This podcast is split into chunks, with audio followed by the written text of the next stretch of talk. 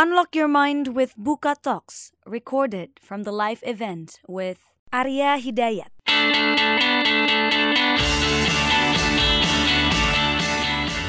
Kadang kalau kita berpikir tentang presentasi, itu konteksnya harus serius.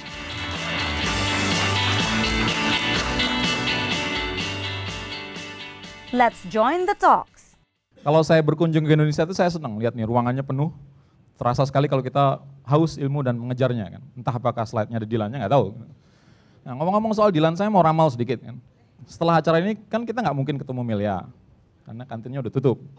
Jadi harapan saya adalah teman-teman bisa mendapatkan ide baru atau inspirasi untuk meracik presentasi dengan gaya yang agak sedikit berbeda dan harapannya juga bisa menyampaikannya dengan penuh semangat dan penuh percaya diri. Kadang kalau kita berpikir tentang presentasi, itu konteksnya harus serius. Apakah forum seperti ini, Buka Talk atau TED Talk malah, atau ketika kita, ketika kita mencoba menjelaskan sesuatu yang teknis secara detail di sebuah konferensi. Nah sebenarnya nggak seperti itu. Kalau teman-teman punya gagasan untuk ide baru, untuk proyek baru atau produk baru, product planning atau sprint planning, nah itu sebenarnya terkadang tanpa sadar kita sudah masukkan unsur-unsur uh, aktivitas yang suka kita berikan kalau bikin presentasi yang serius. Bahkan dalam konteks wawancara sekalipun, apakah wawancaranya dengan calon atasan atau calon mertua, kita kadang-kadang sengaja memasukkan teknik-teknik yang kita biasa pakai untuk presentasi. Kalau dalam urusan komunikasi, presentasi itu kan uh, lawannya tuh bertolak belakang sekali dengan yang namanya curhat kan. Curhat itu kita kita mau yang di, yang dicurhatin ya dengerin aja, nggak usah ngasih ide-ide yang aneh-aneh atau malah memberikan komentar yang nggak jelas kan. Uh, pokoknya dengerin aja gitu. Sebentar lagi mungkin ada chatbot untuk curhat. Itu ide startup tuh. Nah, sementara kalau presentasi justru berbeda. Kita kita mau yang mendengarkan itu juga mendapatkan suatu manfaat kan. Makanya ada framework yang namanya uh, what's in it for me atau bahasa Indonesianya apanya sih buat gua gitu. Disingkat ABG. Karena ketika ada presenter, misalnya saya berdiri di depan seperti ini, pertanyaan ini ada yang di benak Anda semua kan. Kalau jawaban pertanyaan itu tidak memuaskan atau nggak ada jawabannya, ya berarti percuma dong saya udah ngoceh di sini 20 menit Anda nggak dapat apa-apa itu kan rugi kan. Karena itu kesalahan fatal Eh, teman-teman kalau mau membuat presentasi adalah loncat ke meja, buka laptop, buka PowerPoint dan langsung mengerjakan slide-nya. Ini yang uh, sering dilakukan. Padahal nggak seperti itu. Yang harus pertama dilakukan adalah merumuskan pernyataan ini. Oh, setelah presentasi ini tiap orang akan titik-titik-titik. Nah, dipikirkan dipikirkan matang-matang sejam, sehari, seminggu, sebulan. Titik-titik ini mau di siapa? Dirumuskan sampai benar-benar mantap, benar-benar serak, dituliskan di kertas, papan tulis, buku catatan, entah di mana pun lah. Sampai puas dengan Eh, pernyataan ini, kemudian baru kita memikirkan materinya seperti apa. Nah, untuk materinya sendiri uh, dalam uh, dalam presentasi ini saya akan menggunakan framework untuk membahas tiga ya. Uh, bagaimana cara kita pertama meracik bahannya supaya memikat. Kemudian bagaimana cara penyampaiannya supaya ringkas, renyah tapi juga penuh percaya diri. Dan terakhir, kalau semuanya sudah dikuasai, bagaimana caranya supaya kualitasnya tetap terus meningkat. Nah, kita lanjutkan topik pertama tentang bahannya ya. Nah, um, saya suka sekali dengan resep ini, resep power yang dirumuskan oleh uh, Pak Granville Good di bukunya The New Articulative Executive. Power itu singkatan dari punch, one theme, window, ear, terus retention. Untuk konteks bahan ini kita akan membahas window. Jadi teori si Pak Granville ini adalah materi kita, slide kita itu adalah jembatan, uh, bukan jembatan, jendela ketika audiens itu akan mengenali cerita kita itu apa sih. Karena itu jendelanya terus memikat, harus menarik. Kalau enggak, orang semua akan terlena dan tertidur. Bagaimana cara membuat yang menarik?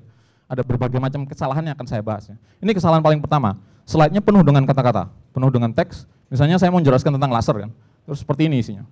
Terus saya ngomong lagi kan, laser adalah sumber cahaya yang sumber cahaya. Eh, ini akan semua orang, ya semua orang juga bisa baca kan, itu kesalahan pertama. Kesalahan kedua adalah kalau misalnya saya ngoceh yang lain pun, Anda semua nggak akan perhatiin. Orang semuanya mau tergoda untuk membaca ini kan. Yang harus dibayangkan adalah kalau saya mau menerangin laser ke teman, itu apa sih kata kuncinya dan cantumkan di slide-nya. Seperti ini kan. Saya mau menjelaskan kalau laser itu punya karakteristik seperti ini, monokromatis, koheren. Yang ditampilkan di sini adalah jangkar atau uh, sesuatu yang membantu audiens mengingat penjelasan itu apa, bukan seluruh teksnya. Di mana-mana kalau kita melihat sesuatu, kita lebih tergoda daripada mendengarkannya. Contohnya seperti ini ya. So, coba yang pernah lihat slide seperti ini silakan tepuk tangan. Tuh, ada yang angkat, ada yang angkat tangan, ada yang tepuk tangan kan? Karena harusnya nggak ada yang angkat tangan, harusnya semua pun tepuk tangan. Karena Anda lihat saya angkat tangan, semuanya ikut angkat tangan. Nah, kesalahan yang sering dilakukan lagi adalah menuliskan tadi mirip dengan uh, teks itu, tapi semuanya didaftarkan, ya, seperti bullet point. Ya. Di presentasinya The Four Fish We're Eating, Pak Paul Greenberg ini menjelaskan tentang jenis ikan yang sekarang lazim dimakan. Tapi di presentasinya beliau tidak menggunakan modal seperti ini, yang beliau gunakan adalah di, dicantumkan aja gambarnya. Ini ada udang, ada tuna, ada salmon, ada cod gitu kan. Enggak dijelaskan satu-satu iklannya apa gitu. Mungkin contoh klasik adalah ketika Steve Jobs memperkenalkan iPhone 11 tahun yang lalu, itu Steve Jobs nggak menjelaskan, oh iPhone itu bisa dipakai buat nelpon, bisa dipakai buat internet, kemudian juga alat musik gitu. Yang ditampilkan apa? Tiga gambar yang sangat berkesan di jutaan orang yang melihat presentasinya. Dengan melihat gambar ini orang ingat, oh berarti telepon, berarti musik, dan berarti internet. Gitu. Memang akhirnya dijelaskan satu-satu, cuma yang teringat itu, yang terkenang adalah tiga gambar ini. Um, sama kalau kita menjelaskan sesuatu Eh, dengan angka-angka itu akan memusingkan. Misalnya konteks ini kan, saya punya gambar kemudian dikompres jadinya segini. Ini sulit dibayangkan, tapi kalau diubah bentuknya kalah karena seperti gambar seperti ini kan jelas kan, oh berarti ukurannya sekarang tinggal sepersekiannya. Angkanya sendiri secara presisi nggak penting, yang penting gambarannya. Nah, perbandingan juga begitu. Misalnya Anda bikin startup, oh yang pakai 15 juta, 15 juta kan kadang-kadang sulit kan, seberapa banyak sih? Tapi kalau Anda cantumkan, oh itu semua penduduk di Pulau Kalimantan, nah orang kebayangkan, oh berarti banyak gitu kan. Apa pun uh, ukurannya, apa pun yang mau kita tampilkan. Oke, untuk menyegarkan slide kita juga kadang-kadang suka menyisipkan kutipan. Ya. Misalnya ada insiden kemudian bikin postmortem. Ya. Nah, kita bisa tampilkan kutipan seperti ini. Nggak apa-apa loh kalau ada masalah, kan kita bisa manfaatkan itu belajar gitu. Kutipan juga nggak harus serius. Ini kutipan yang dimodifikasi ya. Si dari film The Dark Knight, si Two Face kan ngomongnya nggak gitu. Tapi buat orang-orang yang senang di front end atau JavaScript, ini pernah saya gunakan ilustrasikan. Ini loh masalah di front end itu. Nah ini mirip. Yang lebih menarik adalah kutipan plesetan, misalnya seperti ini. Uh, berapa banyak yang salah di gambar ini kan? Yang ngomong itu kan bukan Darth Vader, terus You Shall Not Pass kan Gandalf kan, Gandalf itu kan pemerannya si Ian McKellen yang waktu itu dia memerankan juga Magneto di situ. Nah ini kan untuk membuat orang ah, kaget sedikit terus melihat dan oh ya apa itu ya. Gitu. Nah um, jadi intinya adalah jangan semuanya dicampurkan ke dalam satu slide sehingga nggak bisa dipahami. Semakin sedikit semakin bagus, karena semakin sedikit itu semakin gampang diingat. Tujuan kita presentasi itu adalah setelah selesai presentasinya orang ingat isinya apa, bukan memahami uh, seluruh isi slide gitu kan. Ini contoh jelek dari Bill Gates nih, waktu dia menerangkan silver silver light. Entah tahun berapa ini, udah banyak banget teksnya, nggak bisa dibaca karena fontnya kecil juga, ramenya minta ampun, nggak ada yang bisa ingat gitu. Jadi nggak ada gunanya gambarnya banyak, ada bullet pointnya dan sebagainya, sebagainya ya. Milea sendiri kan pernah bilang dia dia rindu Dilan, tapi dia nggak udah rindu bullet point lagi gitu. ya, yang mau nge-tweet saya tungguin. Oke, itu tentang masalah meracik bahan supaya memikat. Ya. Nah, kalau bahannya sudah jadi, gimana kita menyampaikannya? Ada juga triknya ya. Sekarang kita lihat bagaimana mengemasnya dan menyampaikannya. Ada tiga hal yang harus kita perhatikan, keringkasannya, kemudian apakah renyah atau tidak, dan bagaimana metode penyampaiannya itu dengan penuh percaya diri. Ringkas itu penting. Ini contoh paling uh, paling ekstrim ya. Si, pem, si pembalap ini dalam dua detik dapat ban baru gitu kan. Kita nggak perlu se ekstrim itu, tapi kita harus perhatikan kalau kita menjelaskan sesuatu, sebaiknya jangan bertele-tele. Sesingkat-singkatnya karena kita harus menghargai waktu. Lihat aja nih ya, oh, berapa banyak orang di sini kan. Saya nggak mau buang-buang waktu semua orang. Nah, bagaimana caranya untuk uh, belajar meringkaskan? Pertama-tama ingat konsep ini. Saya suka kutipan dari Mark Twain ini isinya kurang lebih kalau saya punya waktu lebih banyak, suratnya bisa lebih pendek. Sebenarnya paradoks kan, kalau punya waktu lebih banyak kok nggak bikinnya lebih panjang lagi gitu. Ternyata meringkaskan itu perlu energi, perlu perlu tenaga dan nggak gampang gitu kan. Rumus yang sering pakai, saya pakai adalah piramida kompresi seperti ini. Um, tiga lapis, 30 menit, 4 menit, dan 11 detik. Untuk mendapatkan versi 4 menit, Anda harus bisa menjelaskan topik atau apa pun topiknya tiga, secara secara agak sedikit panjang 30 menit. Beberapa kali ke teman-teman satu dua tiga. Setelah itu bisa anda lihat oh yang perlu dibuang ini yang disimpan ini diperjelas ini. Setelah itu anda bisa dapat versi 4 menitnya. Kalau sudah dapat versi 4 menitnya dilatihlah menjelaskan versi 4 menit ke berbagai orang. Akhirnya anda bisa padatkan sehingga hanya 11 detik yang nggak perlu dibuang lagi. 11 detik ini kan istilahnya elevator pitch karena masuk lift sampai ke lantai tujuan tuh kira-kira cuma 11 gitu 11 detik. Nah 11 detik itu bisa mengubah hidup anda. Bayangin kalau masuk lift terus ketemu presiden atau pemenang Nobel atau penulis buku atau CEO-nya kan. Terus dia tanya, Mas ngerjain apa Mas? Terus saya nggak bisa jawab 11 detik kan. Itu nasib saya berbeda kalau saya udah lancar sekali ngomongnya 11 detik. Karena sudah seling latihan. Ini salah satu cara latihan meringkaskan itu bayangin tiap tiap hari masuk lift, ketemu orang yang Anda bayangkan, misalnya Dilan atau siapa pun, Milia, ngomong apa 11 detik itu gitu. Jangan sampai 11 detik itu udah 11 detik yang paling sia-sia dari hidup Anda. Nah, eh, itu ringkas. Gimana supaya renyah? Eh, renyah itu kan sebenarnya adalah uh, intisari dari tetap mempertahankan supaya presentasinya menarik. Ini kan kurva tingkat perhatian audiens terhadap presenter. Semakin lama semakin turun. Fungsinya uh, renyah itu adalah supaya menaikkan perhatiannya supaya nggak langsung jatuh gitu kan. Ini di mana-mana gampang di sela-sela presentasi diberikan sesuatu yang interaktif ya, apakah pertanyaan ataukah cerita-cerita pribadi ataukah cerita lucu ya, cerita. Tapi jangan menjelek-jelekan orang. Kalau mau jelek-jelekan, jelek-jelekan dia sendiri gitu kan. Sama, kadang-kadang kata penutupnya juga kita seperti itu. Ingat formula ABG tadi kan, jangan sampai kita menutup itu, ya itu aja materi saya udah baik gitu. Jangan, jangan. Di, sekali lagi digunakan kesempatan itu untuk menjelaskan, oh tadi kita bahas ini loh. Dan sebelum semua orang di audiens pergi, mereka ingat uh, itu untuk sekali lagi dan akan menjawab ABG-nya. Um, bagaimana caranya presentasi kita tuh harus percaya diri. Um, saya rumuskan formula seperti ini, ada tiga yang seperti kan, bahasa tubuh, kontak mata, dan kelancaran bertutur. Bahasa tubuh itu bagaimana? Sebenarnya bahasa tubuh kita tuh mencerminkan perasaan kita, kita nggak mungkin mengkhianati itu. Karena kan kalau zaman dulu kita mau bertahan hidup pada harimau, kita kan langsung mengecil seperti ini kan, terus lari ke mana-mana, putar-putar gitu kan, eh, tangan di kantong. Nah, kalau di sini kan audiensnya bersahabat, jadi Anda harus berdiri tegak, tegap, kemudian ya jangan putar-putar seperti setrikaan. Dan jangan membuat posisi posisi defensif. Karena semua orang akan lihat oh ini mas ini sebenarnya mau di situ apa enggak? Oh enggak saya cuma disuruh bosnya gitu kan. Itu akan kelihatan gitu apa pun yang anda ucapkan. Semua orang akan melihat itu kemudian tatapan mata hanya ada satu tatapan mata arahnya ke audience bukan ke 3 L ya layar lantai apalagi langit walaupun ngomongnya soal cloud computing jangan lihat langit lihatlah audiensnya jadi audiens yang besar itu dibagi berapa sektor, kemudian masing-masing ya, berapa lama di sini, berapa lama di sini, berapa lama di sini. Jangan satu orang dipelototin aja, itu kan takut juga audiens. Nah itu tentang tatapan mata. Yang yang satu lagi kesalahan yang sering dilakukan adalah kelancaran bertutur.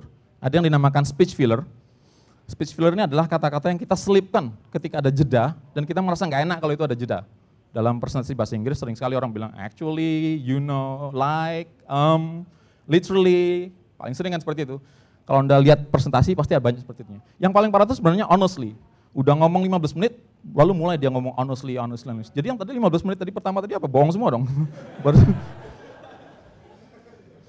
Uh, presentasi bahasa Indonesia, bahasa Indonesia juga sering um, jadi, tiap kalimat dimulai dengan jadi. Kebetulan, kebetulan itu sering banget kan. Kebetulan IP saya 4, kebetulan saya kumlot, kebetulan gaji saya besar, kebetulan istri saya cantik, alim, kebetulan startup saya dibeli buka lapak.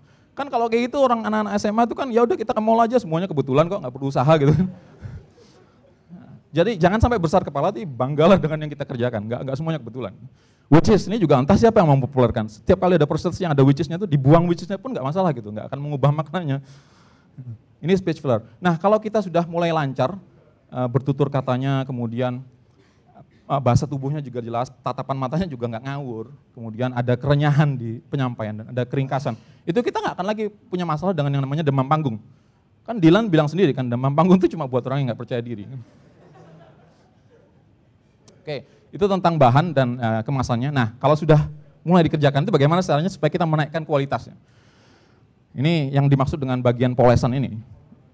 Uh, saya suka sekali dengan kutipan ini dari Jenderal Prusia, entah berapa 200 tahun yang lalu Pokoknya seperti ini, mau direncanakan seperti apa pun, kalau ketemu musuh pasti udah rencananya berantakan. Gitu. Saya lebih suka tapi versi Mike Tyson. Mau ngomong apa pun kalau udah ditinju itu pasti udah udah nggak mikir lagi. Kenapa saya tampilkan kutipan ini? Karena ini menunjukkan pentingnya namanya latihan.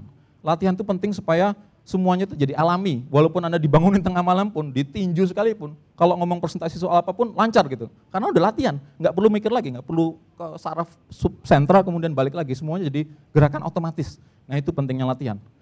Nah, jangan anggap remeh namanya latihan. Saya sering sekali lihat presentasi yang materinya bagus, presenternya juga lumayan memikat, tapi karena kelihatan banget dia satu kali pun nggak pernah dibuat presentasinya ini. Nggak pernah, ini pertama kalinya, itu kan seperti tim basket saya dulu kan, game itu adalah latihan kita. kita nggak pernah latihan. Kita latihan pas bermain dengan lawan gitu kan. Jangan ditiru yang seperti itu, karena kita harus jalani semua prestasinya sekurang-kurangnya sekali, dua kali, tiga kali, berkali-kali. Sampai benar-benar puas, sampai benar-benar sempurna. Kalau kita lihat Steve Jobs, oh enak banget kan dia presentasi. Dia itu latihannya ratusan kali. Dia lihat sendiri videonya, kemudian sampai ada nggak suka diulangi lagi. Kita cuma lihat hasilnya, kita nggak pernah lihat usahanya. Nah, caranya gimana? Ya simulasikan lah. Misalnya kalau mau prestasi di Bukotok, Bukatok ya datang ke sini, lihat oh seperti ini tuh ruangannya, nanti saya harus ngomong seperti ini dan sebagainya ya. Ini sendiri, bisa juga cari teman-teman, teman-teman korban yang mau ngasih masukan. Jadi dipresentasikan di depan, teman-teman kemudian mencari umpan balik atau feedback ya. Feedback itu sangat penting.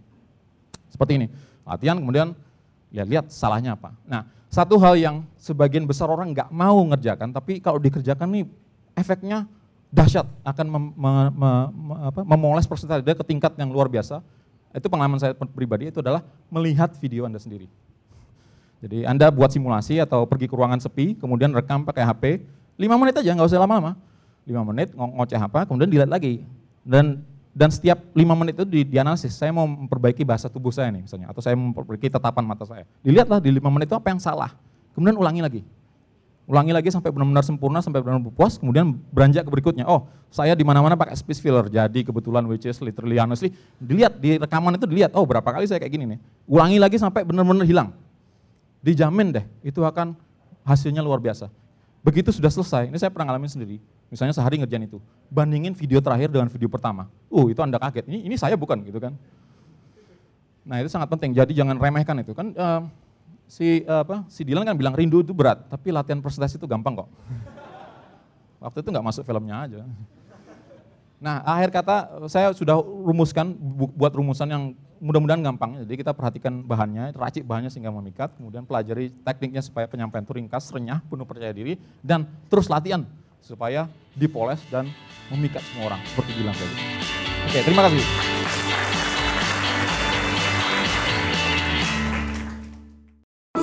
Aja buka lapak